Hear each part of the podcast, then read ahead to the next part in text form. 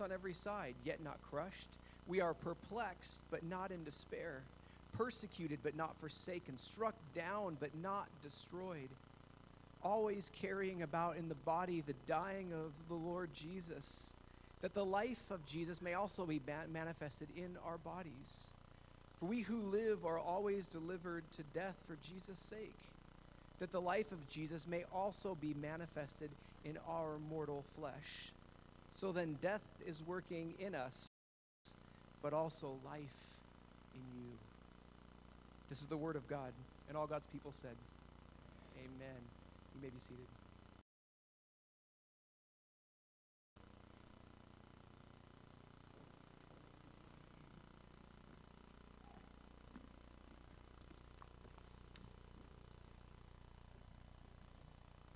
Happy Sabbath, church family. A lot of familiar faces. Good to be back. Good to see you all again. Derek, I see you. We are wearing uh, matching shirts. They are cactus, in fact. Um, Pastor Jeff and I, which is a sign, we, we agreed was a sign. And so, I don't know. we have to, yeah, that's amazing how that worked out. So, um, the title of the message today is Work. Hey, guys, good to see you guys. Um, um, work of the gospel, but it's not spelled the same. It's spelled W E R K.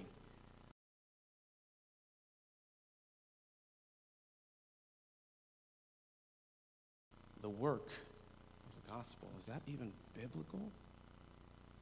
It behooves me, as your new youth pastor, to keep you abreast to the rising trends that are taking place in the world of our young people and in which they're living in. And so that you will not go unprepared, um, so that you'll go away from this place ready to engage them in the context and in the culture that they're living in right now.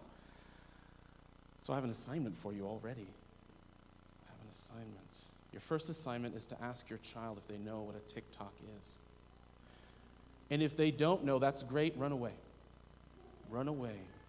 Run away. Because it's a, it's a life sucking, time consuming social media platform that you would have to quit your job to fully enjoy. And, but if they do, if they do know what I'm talking about, I'm requesting, as your assignment parents, to create a TikTok with your child or your grandchild and turn it in because I'll be awarding five points for that. Yeah, pretty sweet deal, right? We need to begin a conversation with our kids. They need to know that they're not alone. Uh, the world is a different place. We're not in Kansas anymore. We are in Kansas. That didn't work. That didn't work. Abort. Abort. It, what I'm talking about is Christ's method alone. And you know what Christ does is that he meets you where you are, but what? He doesn't leave you where you're at. I want to be to our young people what I needed when I was their age. I went to school with many of you. I see you even out here this morning. And you guys remember what it was like. It was hard. You know, before TikTok, we had TikTok toe. I mean, and, and you just, you know, when, when nobody won, it was a tie, you call that a cat's game. I'm just kidding. So, the title of the message this morning is The Work of the Gospel. And I, and I spelled it W E R K for a very special reason. Before we begin, let us pray. Father, here we are this morning together as a family, just living through the so many things going on right now, and uh, it's difficult. And um, I just, I just thank you for this opportunity you've given. We invite your Holy Spirit to guide and direct and to speak. In Jesus' name, amen. The word of the day. So I'm going to try to, like, whenever I speak, give you a, a, concept from the culture of our young people, but also the word of the day. And the word of the day is work, W E R K. Work is a slang word most often used in text based communications with the meaning work, W O R K. And it's also often used as an expression of approval, admiration, similar to that word cool or, or great. So let's try to use it in a sentence. We'll use two people, Dan and Debbie. Dan says, Are you coming with us today? And Debbie says, Try and stop me. I'm going to work those slopes till my skis fall off. Work meaning to work, to W O R K. Another example would be Dean. And Dean and Dolores, uh, Dean says, I have got the weekend off. And Dolores says, Work. Let's get the car packed. I messed the voice up on that one. Here, work means cool or great. As an aid, if, if there's any confusion to the second meaning, think of, of when someone says word. Those of you from our generation, Derek, you remember, you guys remember word, like word to your mother, things like that. You remember that? I titled it this way because I want, I want to know how work, W E R K, is going in your life. I'm speaking to everyone here, those online, and even all of our youth wherever you're at? How is, your, how is the work taking place in your life? Your mental health, you're, you're working out, you're, maybe you're starting a new business, getting a job, getting ready for school, all of these things that are being affected in this new context that we're trying to live in. So here's the thesis of my message to reveal how WERK work of the gospel affects the work in the other areas of our lives. Sometimes you put in the work and it just doesn't seem to pay off sometimes. You know what I'm talking about? In a job, a relationship, that girlfriend, boyfriend, church. And then if we don't at least break even, it's really frustrating for us. We get a little angry. We've heard in the Christian life that faith without works is dead. So I worked and Pastor Koval was talking about it a little bit. I worked and I worked hard, door to door, Bible worker, Nebraska City. So many Bible studies, so much rejection. I even studied with my stubborn landlord, and it didn't work. Didn't work. I finally slowed down and got on my knees. You guys know what happens when you do that.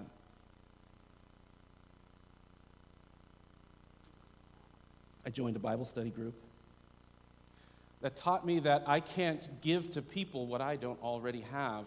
I cannot give to people what I was not receiving from the source myself.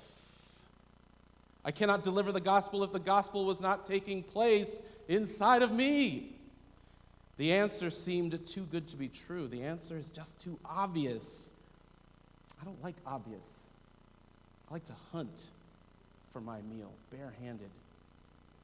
I like to discover things myself after wandering in the wilderness until I'm dehydrated and delusional. And then, it's the answer that my junior Bible class in Midland, when I taught at your basketball rival Midland Academy, they would give. When they weren't paying attention in class, they would say, Jesus would be the answer. And it just seems like kind of like a patchwork answer to everything these days. Well, what, how, what do we do with this COVID 19 stuff? Jesus. Answer to racial tension that's going on in our nation. Jesus. Should I wear a mask or not? Jesus. My girlfriend leaves. Jesus. My mental health is Jesus. Seems to be a catchphrase we can patch things up with before we leave. But you know, there's, there's nothing in this world that provides everything we need under one name. The cure has been under our noses this entire time. We've got to go to the source to get what we need to talk the talk and walk the walk. Because, because what I have to give is just simply not enough. What I need to give doesn't come from me organically, doesn't come from me naturally. What I need to give doesn't come just at a moment's notice. What, what I need to what I need to give with everything I've tried in my own life and in my mentoring relationships with youth as youth director and then now youth pastor, the answer just simply hasn't changed. from generation to generation. I'm talking to my young people right now. I'm excited to meet all of you. I met some of you at VBS. Layla helped me figure out some of your names and even some of your last names. No social security numbers. Layla, and as your youth pastor, I propose so many things we're going to do together. It's going to be a blast. We're going to have s'mores. I, promote, I, promote, I propose s'mores. What do you say? Hear ye s'mores? By the fire. Amen. Basketball. We're going to basketball. We're going to volleyball, guys. And then we're going to, we're going to skate. We might even laser tag. And, and then we're going to pineapple pizza. And that's a requirement. I heard somebody say, okay, we'll talk after. But much more than this, I would like to introduce to you my best friend. My friend offers everything you could ever need under one name. He could do it from his throne room up in heaven. He could do it like a genie in a bottle when you're in trouble. He could send you notifications on your phone if you have the Bible app, but Jesus wants to do better than this. He says that your body is the temple of the Holy Spirit. Jesus, my friends, wants to live in your heart, He wants to live in your mind. You can't get much closer than that, can you? So, so close that you begin to see people the way Jesus sees them. The creator of the universe wants to indwell you this morning. What do you say? If that seems a little weird, I'm going to explain a little bit. You know, we were so far away once upon a time, but now we've been brought near by the blood of Jesus. Not, not just because he's cool like that, but because he knew in all wisdom and in all understanding that we would need that kind of connection at a time such as this. As we face some of the most unusual, uncertain times in history, possibly in our own lives. So, we've heard that Jesus can live in your heart. What I want to do is explain the anatomy and physiology of that. And what does that look like in the life of a Christian today? The way you can find that is if you'd like to turn in your Bibles to 2 Corinthians 4, verse 10. 2 Corinthians 4, verse 10. This is one verse from um, what Pastor Jeff was reading amongst uh, the few there. And it says, We always carry around in our body the death of Jesus so that the life of Jesus may also be revealed in our body. Amen. One of our young people are going through it right now. Um, you know, we've been doing a lot of virtual hangouts and Zooms right now. Zoom is the thing. And I Zoom with him at 9 p.m. I'm taking him on the 40 day journey to the cross, and we're on day five. Never met this guy in person. He just showed up on a virtual hangout with some friends and he wants to experience the overcoming power of Jesus in a particular area in his life. He met a young lady, became friends with the sisters and the family, um, and there's this guy who just simply hates him for no reason. We'll call him O, even though that's the first letter of his name. We'll call him O, and he just hates this guy. He hates Brandon. Oh, sorry, Brandon, if you're watching. Brandon, he's okay with it. He's okay with it. Um, someone overheard a conversation where Brandon was being funny competitively. I don't know if you guys have ever done that, where somebody says a joke and you try to one up them and you just go to the next level. That's what he did. Took it to the next level. Somebody overheard. I, I think it might have been Owen. I don't know. We. Oh, I said his name too. Yeah. Sorry, guys. And um, but they live far, far away, so no problem. Um, word got back to the parents, and there's even false accusations that have been heaped upon this guy and he loses everything. He loses, um, he confesses his mistake. I can tell he's truly sorry, but no one will listen to it. No one will hear the story. Uh, his, uh, their parents block him. Every, they, their parents tell others to block him, and he's requested to never come near the family ever again. Rumors are actually spreading through the community, and there's nothing he can do about it. I don't know if you've ever been falsely accused and then you can't say anything into your defense. Makes me think of my Jesus, you know? He uh, never objected, never fought, never struggled. Can you imagine being isolated? We're already in isolation with COVID 19, but that double isolation, I know you've heard some of the stories in the news of what's happening with a lot of our young people and, and even celebrities and people in the world and the choice that they're making to end everything. So, what do I tell him? What's the answer? Jesus? Bet you by golly, wow, yes. Absolutely. Jesus all day. And I'm going to show you how. Last night we went through 2 Corinthians 4, verse 10. And that's why I got the title to the sermon so late, because uh, we were both still up. It was super awesome. It was really good. It says, We always carry around in our body the death of Jesus so that the life of Jesus may also be revealed in our body. So I asked Brandon, question number one, what are we carrying around in our bodies? And you look at the verse, and it's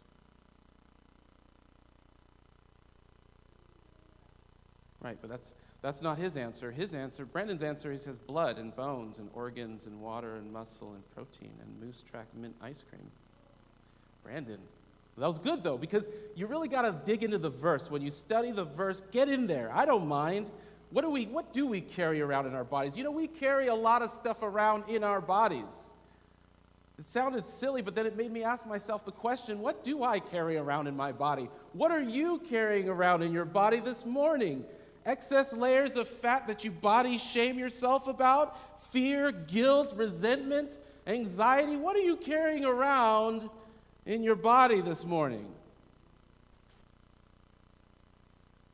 Depression.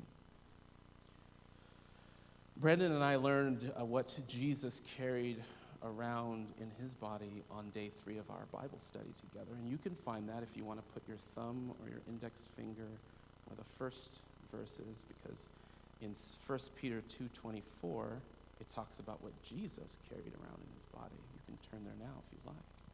What does Jesus carry? What did Jesus carry around in his body?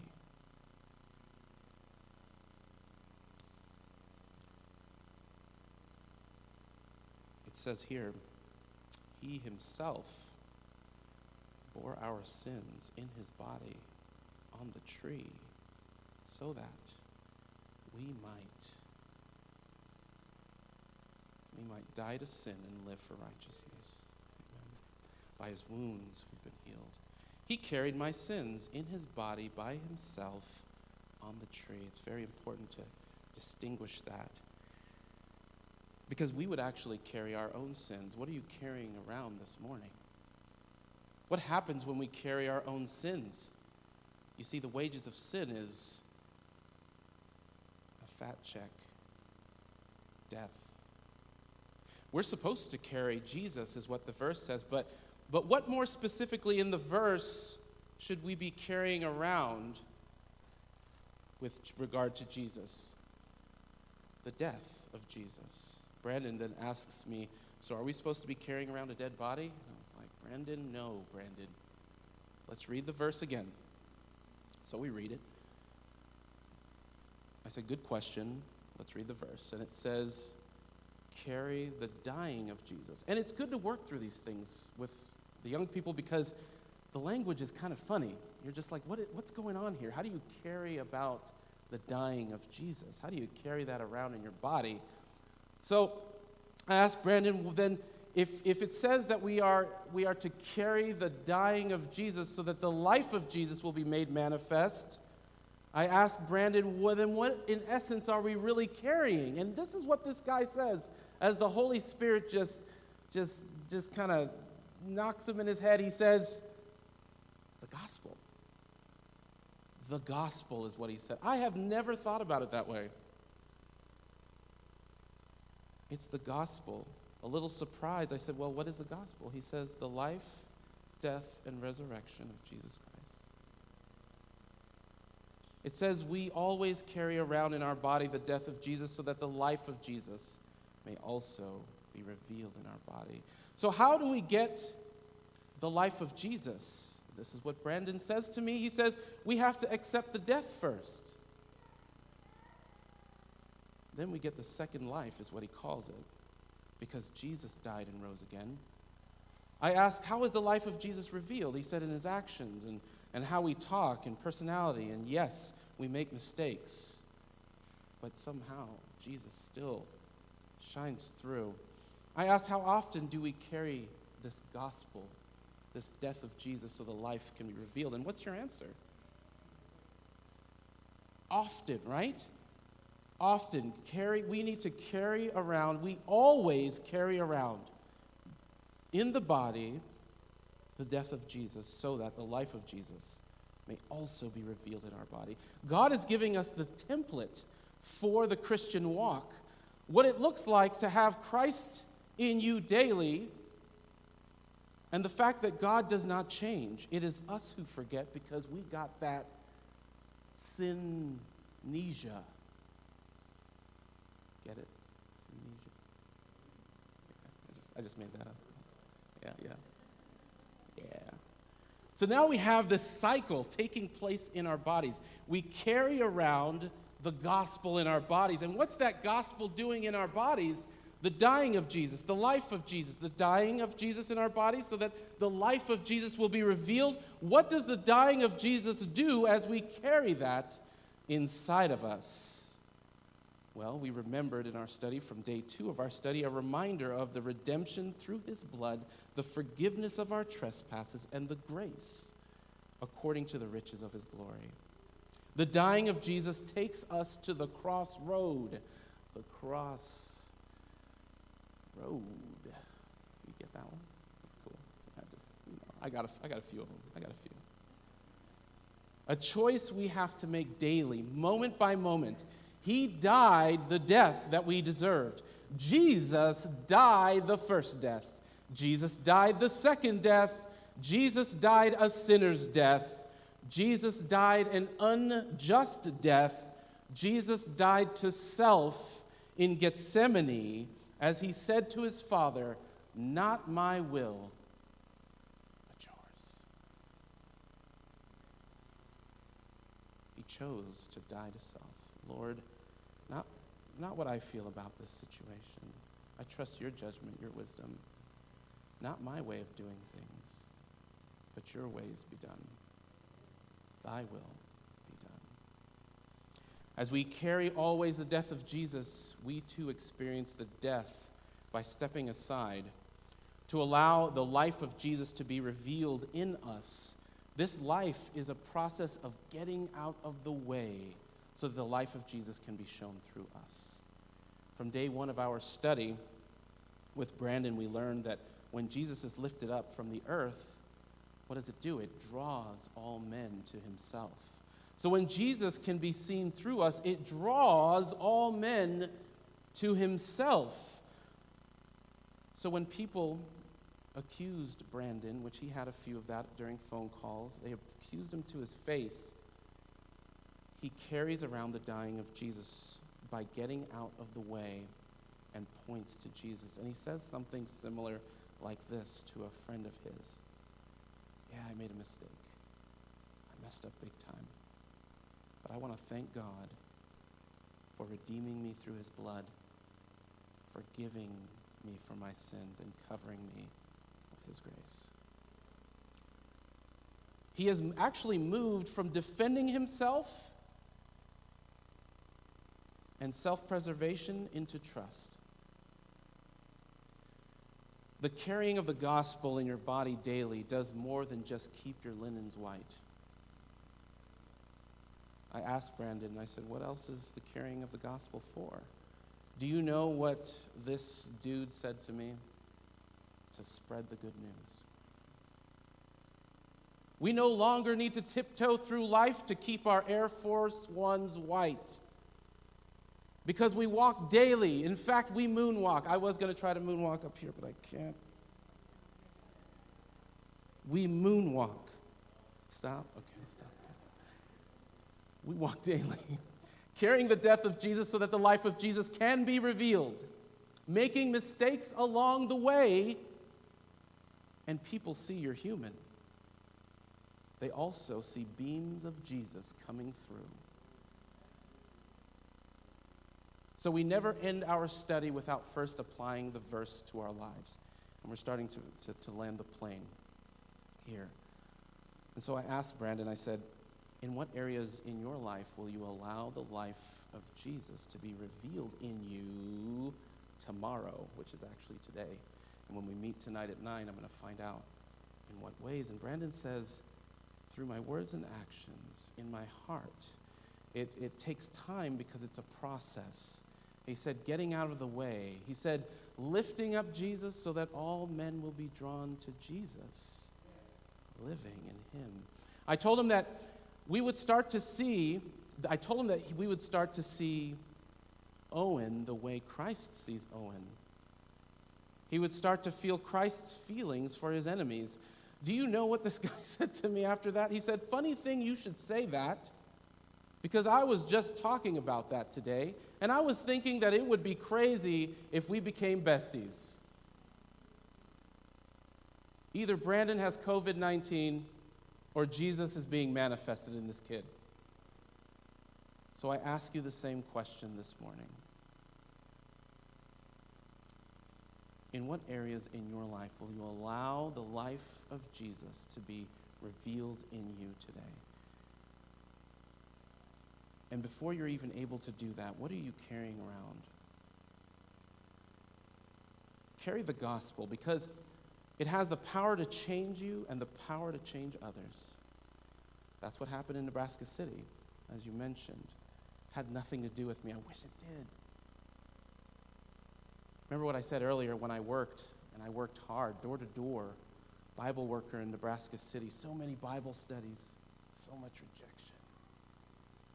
I even studied with my stubborn landlord. It didn't work. I burned out. Long story short, people think that the church in Nebraska City closed, but it didn't. Jesus had a conversation with my landlord after we left, a series of conversations. And, and, and Marty, I said his name, Marty, I'm sorry. Marty, Marty, Marty um, Kozad. Might as well. Let's just go the whole way here. Jesus had a conversation with Marty, and you know, Marty would never take what I have to say for gospel. He would only take it from the Bible. We had Bible studies, and praise God, yeah, you're right, because if he's taking it from Pastor Fred, I mean, that's not, that's not good enough. He was taking it from the Bible. And I remember that um, he was just, it seemed like he was bent on showing me that I was going over the top with all of this Adventism, church stuff, organized religion, Sabbath stuff. And he wasn't militant, he wasn't violent about it. He's just a very stubborn man, very much like me. Two stubborn men, men sitting at the table of Arby's in the morning, talking it out in a little town of 7,000 people with 50 churches. It's a lot of churches. And my wife had a dream. She had a dream that this Marty guy was, was in, a, in a coffin, and I was standing there in front of the coffin, and my wife and my son were sitting in the back of this church, and all of a sudden, like any movie we watch that is very scary, he sits up he climbs out without saying a word and walks out the door, and I follow him out. And you can take that one way, as my wife needs to stop watching TV later, eating whatever she ate the night before. Or it was a symbol of something that would take place. And let me tell you, brothers and sisters, that's exactly what it was. Because now I got a call from my good friend, Marty Kozad. And this will be, he's a, he goes to this place called Release. Do any of, have any, any of you all been to Nebraska City or passed through there? Anybody here? You do? Okay. Yeah, you do too. The next time you guys go, look for a building called Release. It's called Release. And it started off as a place where um, a lot of, of diversity, people of diverse backgrounds and, and, and records come to worship God in spirit and truth. And just uh, last Sabbath was their first Sabbath. You noticed I said the word Sabbath. They have converted their Sunday church into a Sabbath keeping church. And he said it's a little rough. Maybe he could do a little better planning. But I praise God this morning. I praise him, but the human side of me is like, oh man, it wasn't me. But the other side of me is like, yes, praise God. And the other side of me is like, I mean, I did something. And the other side's like, yes, Lord, the Lord God is working in the, in the context of the COVID 19, in the context of these last days that we're living in. This to me is an image of what the end will be like. That people seeking the truth of Jesus, seeking the reality, those who are carrying around in their bodies the death of Jesus so that the life of Jesus can be made evident. So when you go, don't tell him that he's an Adventist, even though I knew he was an Adventist this whole time, but that he's a Bible believing Christian, which is what all of us are. And I praise God for that. This whole time I thought with my awesomeness I was going to turn that place upside down. So, who is doing the work, W E R K, of the gospel in you, in our community, in this, in Wichita, Jesus. In you and through you. Even when I don't feel it, He's working. Even when I don't see it, He's working. You never stop. You never stop working.